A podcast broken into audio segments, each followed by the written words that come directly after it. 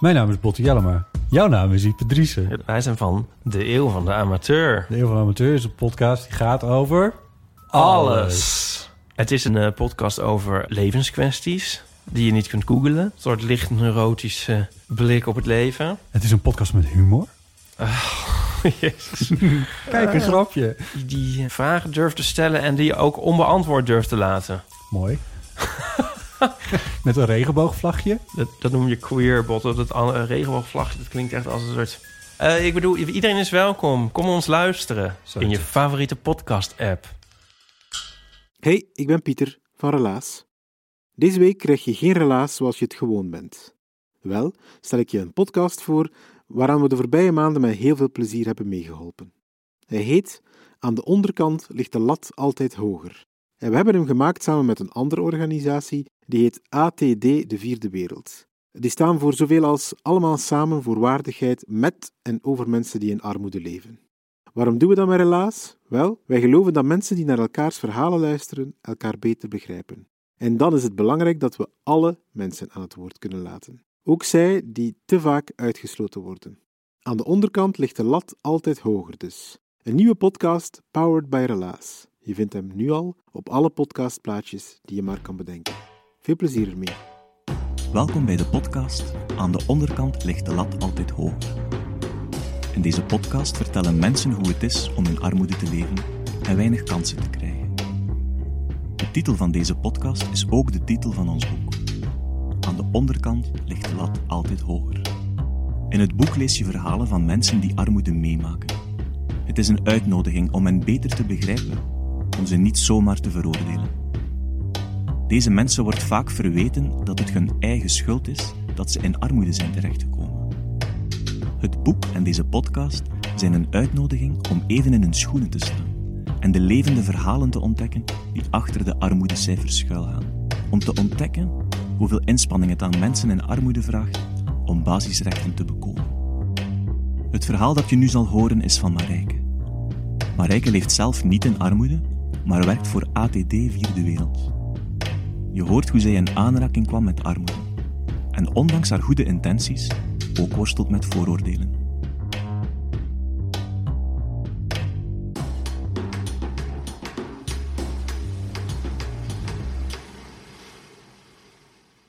Ik besef nu dat ik in mijn jeugd ongelooflijk veel geluk heb gehad. Ik heb eigenlijk een onbezorgde jeugd gekregen.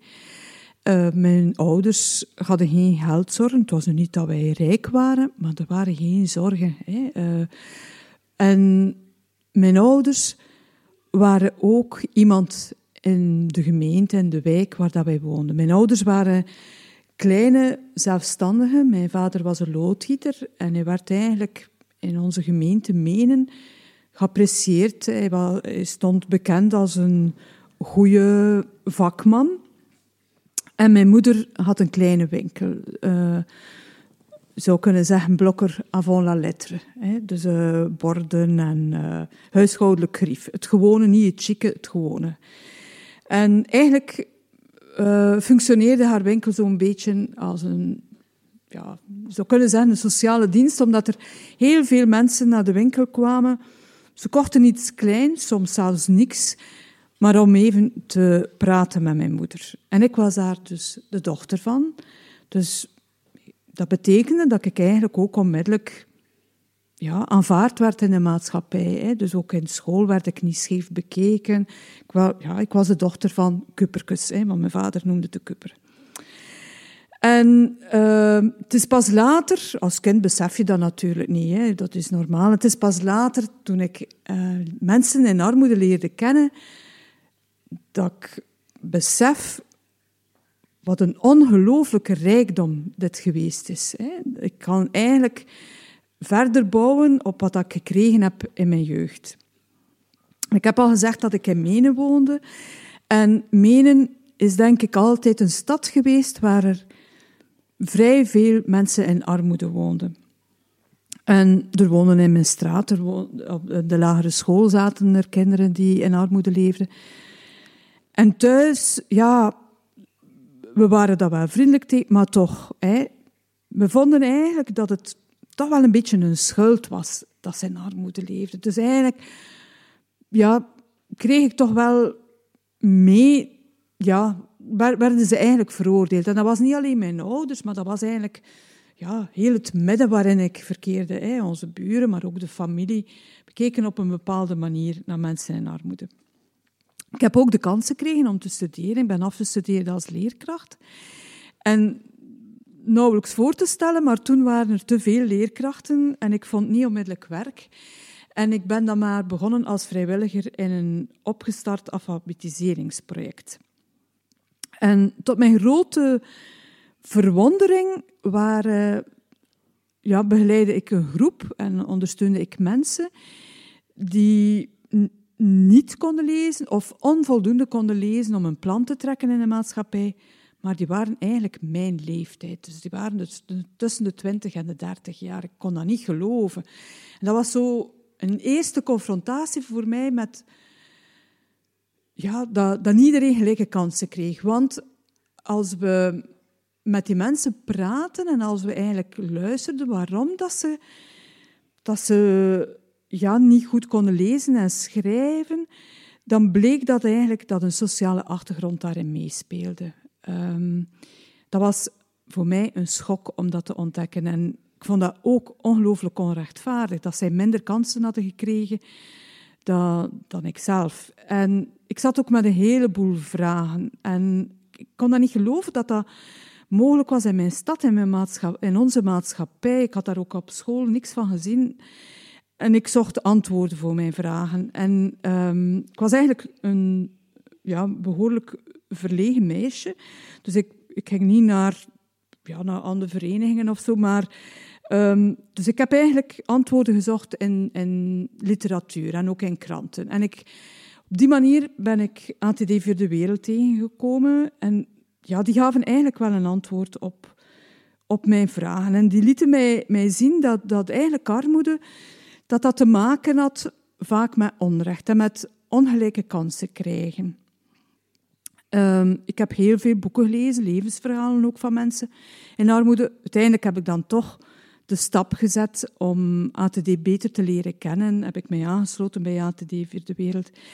En op een bepaald moment, uh, dus was er al meer dan tien jaar verstreken, heb ik ook beslist dat ik mijn job um, wilde laten staan om fulltime voor ATD te, gaan werken. En dat betekende dat ik eigenlijk um, voor de internationale beweging, want ATD is een internationale beweging die overal in de wereld hè, um, aan de zijde staat van mensen in armoede en ook eigenlijk overal ijvert om armoede ongedaan te maken, te vernietigen.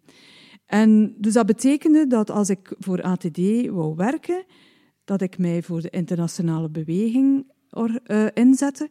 En dat betekende ook dat ik het eens was dat ik minder ging gaan verdienen. Dat ik eigenlijk een solidair loon ging krijgen. Uh, maar bon, ik heb toch de stap gezet en na een paar maanden vorming kreeg ik mijn eerste opdracht en ik mocht naar Guatemala trekken. En eigenlijk was dat ergens een beetje een meisjesdroom van mij, want in die tijd, toen ik opgroeide, um, was dat de tijd van de bevrijdingstheologie. En je zou eigenlijk kunnen zeggen dat onze helden ook voor een stuk Helder Camara waren, de Sandinisten, um, mensen die aan de, aan de kant stonden van, van mensen in armoede in, in Guatemala, Honduras, in Latijns-Amerika. En ik kreeg ook de kans om naar daar te trekken. Um, er was daar een team van tien mensen, een leuk team. En uh, wij werkten in verschillende sloppenwijken en het was mijn taak en van nog een paar collega's om um, met jonge kinderen te werken, omdat de meeste kinderen gingen pas vanaf zeven jaar naar school.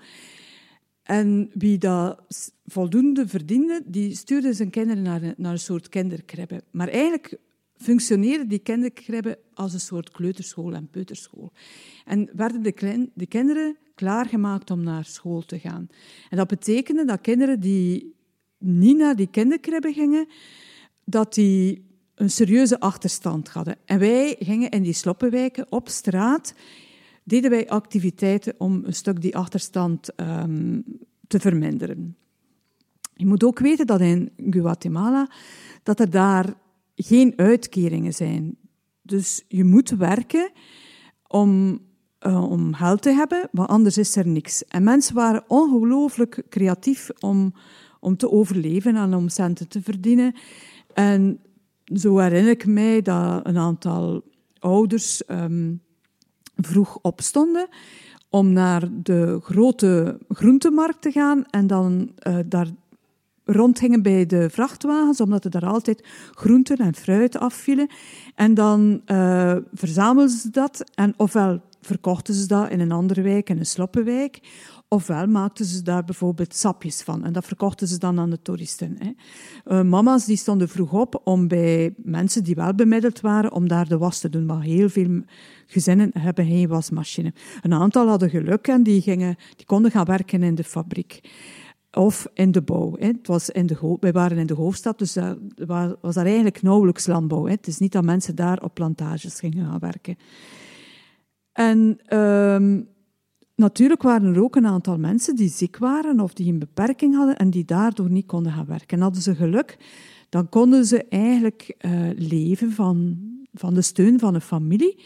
Maar hadden ze geen geluk, dan moesten ze gaan bedelen. En die mensen zag je in, in het centrum van de stad, waar dat er toeristen waren. Maar in de sloppenwijken zag je geen mensen bedelen. En op een bepaalde dag, dus wij ja, we deden onze activiteiten in de Sloppenwijk en er was een nieuw gezin komen wonen in Lomas de Santa Fas, zo heette die Sloppenwijk.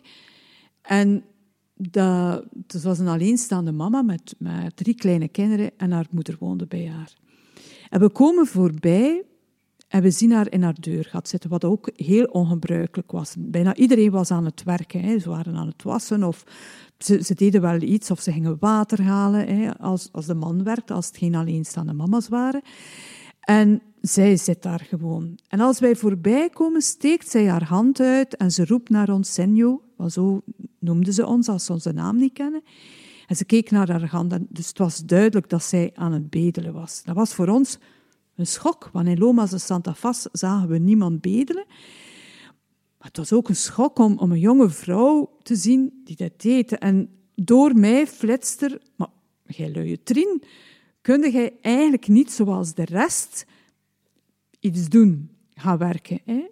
Ik heb al gezegd dat mijn ouders kleine zelfstandigen waren. Ik, ik ben ook opgegroeid in West-Vlaanderen, waar de reputatie, en het is ook zo dat mensen hard werken. En dus ik had ook meegekregen van, als je er wil komen in je leven, dan moet je werken. En dus, ja, dat, dat zit ergens in mij. Dus vandaar ook die eerste reactie. Nu, um, bon, wij, wij gaan voorbij en wij leren haar een beetje beter leren kennen. Ze bedelt soms nog, maar geleidelijk aan gaat dat weg. Maar wij zien haar niet, uh, zien haar niet werken. En bovendien lopen haar kinderen er eigenlijk enorm slordig bij. Uh, ze hebben alleen een shortje aan.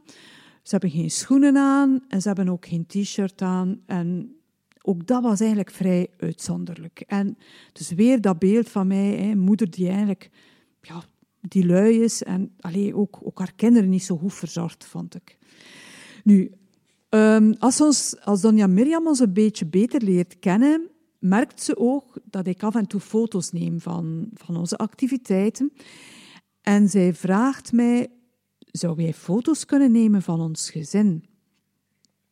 En ik, eh, ja, ik denk, ja, ik denk, ik kan dat niet weigeren, maar ik denk ook zoiets van, goh, dat zullen toch geen mooie foto's zijn? Allee, die kinderen die er zo slordig op staan. Hè. Zij ook, zij was ook een beetje slordig. Uh, maar bon, ik kon het niet weigeren. En we spreken af voor de zondag om um, foto's te, dat ik de zondag zal voorbij komen om foto's te nemen.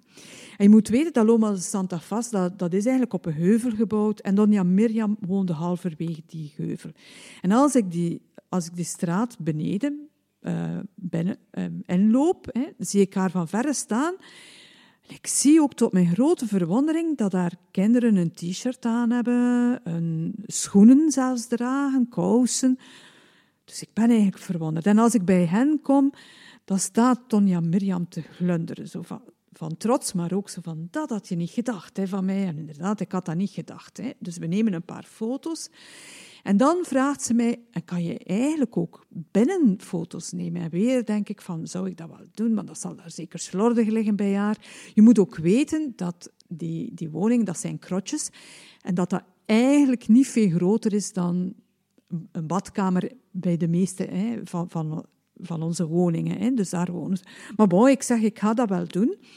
En ik kom binnen en ik merk dat alles piekfijn aan de kant is. Ongelooflijk, want het is eigenlijk ook een ongelooflijke prestatie in zo'n klein, zo'n kleine bewoning dat je daar ook alles aan de kant krijgt. En dus ik begin eigenlijk een beetje mijn beeld van Donja Miriam te herzien. Nu werkten wij samen met uh, Eligia, die een Guatemalteekse was en die zelf ook van arme afkomst was. Waardoor dat zij eigenlijk ook heel snel het vertrouwen van de gezinnen waarmee dat we, dat we ontmoeten, dat zij heel snel het vertrouwen wint. En na een tijd vertelt Donja Mirjam, dat was al na die fotoreportage, vertelt Donja Mirjam dat zij ervoor kiest om niet um, buitenshuis te gaan werken. Want haar dochtertje is nog maar een jaar en ze wil haar dochtertje zo lang mogelijk borstvoeding geven. En ze wil ook haar kinderen niet zomaar opsluiten. Want een aantal mama's gaan werken in een fabriek, maar kunnen geen kinderkribben betalen. En moeten soms hun kinderen opsluiten. En dat wil zij ook niet doen. En daarom gaat zij eigenlijk minder gaan werken. Maar ze vertelt dat zij s ochtends vroeg opstaat, als de kinderen nog slapen, en haar moeder is daar wel bij, hè, dat zij dan um, naar de markt, dichtstbijzijnde markt gaat en dat ze daar gaat vegen. Dat ze daar iets, iets voor krijgt, maar ze vindt ook wel dingen dat ze dan kan verkopen. En ze vertelt ook dat ze van een organisatie, dat ze daar kleren van krijgt en dat ze die gaat wassen en dat ze die dus uh, zorgt dat die proper zijn en dat ze daar dan eigenlijk, zou kunnen zeggen, meeleurt in haar sloppenwijk en dat ze op die manier kan overleven. En als ik dat hoor, dan ja, dan krijg ik eigenlijk wel een heel ander beeld van Donja Mirjam. En dan besef ik, ja, of dan denk ik van, maar wie ben ik dat ik haar zomaar veroordeelde tot een luie trien? Wie ben ik? Ik sta totaal niet in haar schoenen, ik ken haar leven niet. Maar welk recht heb ik dat gedaan? En dat was eigenlijk een enorme les voor mij, want ik dacht dat ik wel veel wist van armoede en dat ik hem begreep. Maar eigenlijk heb ik toen beseft van nee, ik, ik moet eigenlijk tijd nemen om mensen te leren kennen en ik moet eigenlijk mijn, mijn, ja, um, wat ik, mijn eerste idee moet ik leren aan de kant zetten en ik moet leren begrijpen. En dus ik probeer dat zeer te doen. Ondertussen is er al meer dan twintig jaar voorbij. Maar ik merk dat ik toch nog af en toe moet worstelen tegen eerste reacties. Hè. Dat toch mijn referentiekader, dat dat toch soms uh, met parten speelt. Hè, met ook, um, en onlangs bijvoorbeeld hadden wij met de, met de groep van Oostende onthaalden wij um, enkele gezinnen uit Brussel om een, een aangenaam dagje aan zee te, te geven. En met een klein groepje mensen van Oostende komen we de dag voor, ervoor samen om strandbloemen te maken, dat we afgaven uh, bij het onthaal en ook om een koude schotel te geven, wat we willen en goed onthalen. En uh, Julie, die daarbij is, die heeft heel veel gezondheidsproblemen. En uh, zij komt die, die voorbereidingsdag komt zij helpen, maar eigenlijk heeft ze te veel gedaan. Waardoor dat ze de volgende dag er niet bij kan zijn. Dus ze verwittigt ons dat ze er niet bij kan zijn. En als de dag halverwege is, zo rond twee uur, belt zij mij op en ze zegt... Hoe gaat het daar? Zijn de mensen tevreden? Ik vind dat fantastisch dat ze daarvoor belt. En dan vraagt ze mij... En heb je mijn schoteltje nog? Ik denk, uw koude schotel, maar... Allee, jullie... Ja, zei er niet. Natuurlijk hebben we dat niet. En ik, zeg, ik denk ook dat we hem niet meer hebben. En ik, denk, en ik zeg haar, ik denk het niet dat we hem nog hebben. Ah ja, zegt ze, ja. Um, ik zeg, Ik ga eens kijken. En um, gelukkig hadden we het toch nog over. En dan pas besef ik dat Julie eigenlijk heel weinig heeft om rond te komen. Ik denk dat zij 50 euro heeft om, om um, de week rond te komen. Daarmee moet ze eten. Maar dan moet ze ook uh, medicatie, moet ze andere dingen. Hè. Als ze kleren nodig heeft, dan moet ze daar allemaal van kopen. En dan denk ik, maar natuurlijk wil zij die koude schoten. Want dat is een dag dat zij geen eten moet kopen. Dat is een dag dat zij lekker eten heeft voor eigenlijk hè, voor, voor geen geld natuurlijk. En dan opnieuw denk ik, maar wie ben ik? En schaam ik mij opnieuw. En moet ik opnieuw beseffen dat ik, zolang dat ik niet in die schoenen sta van die mensen in armoede, dat ik geen enkel recht heb om ook enig, maar enig oordeel over hen uit te spreken. Deze podcast is ontstaan uit een samenwerking tussen ATD Vierde Wereld en Relaas. ATD Vierde Wereld strijdt samen met mensen in armoede voor een wereld zonder armoede en zonder sociale uitsluiting. De verteller in dit verhaal werd ondersteund door een verhalencoach van Relaas. Relaas is een podcast met waargebeurde verhalen, verteld door de mensen die het zelf hebben meegemaakt.